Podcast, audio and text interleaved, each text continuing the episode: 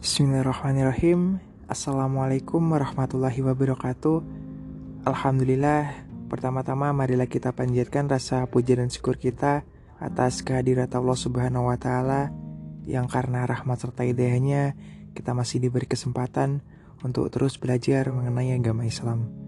Kedua kalinya salawat serta salam Semoga tetap tercurah limpahkan Kepada Nabi Muhammad SAW Yang telah membawa kita dari zaman kegelapan menuju zaman yang terang benderang yakni agama Islam.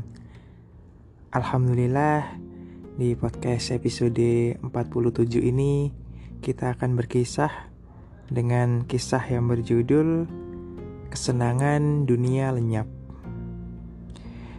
Dikisahkan dari Soleh Al-Muri bahwa pada suatu hari dia berjalan melewati sebuah rumah yang terletak di depan rumah Ja'far bin Sulaiman al-Hashim.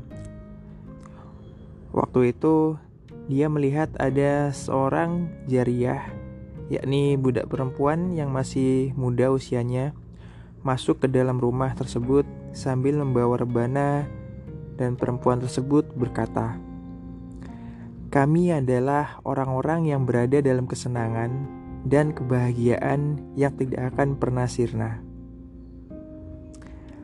Lalu Syahih Al-Muri menimpali, Demi Allah, sungguh engkau adalah pembohong.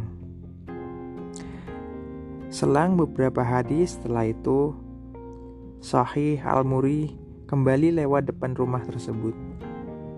Dia melihat rumah itu tampak sepi, tidak berpenghuni, terlantar, rusak, dan tidak terawat. Lalu Sahih berdiri di depan pintu rumah seraya berkata, "Wahai rumah, di mana pemilikmu? Hai rumah, di mana para penghunimu? Hai rumah, di mana para pelayanmu? Hai rumah, di mana jariah pembohong itu yang mengaku dia selalu berada dalam kesenangan dan kegembiraan yang tidak akan sirna.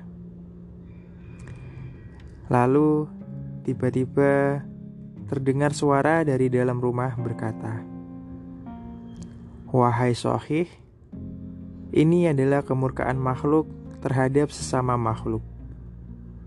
Lantas, bagaimana jadinya jika sang Khalik yang murka terhadap makhluk?"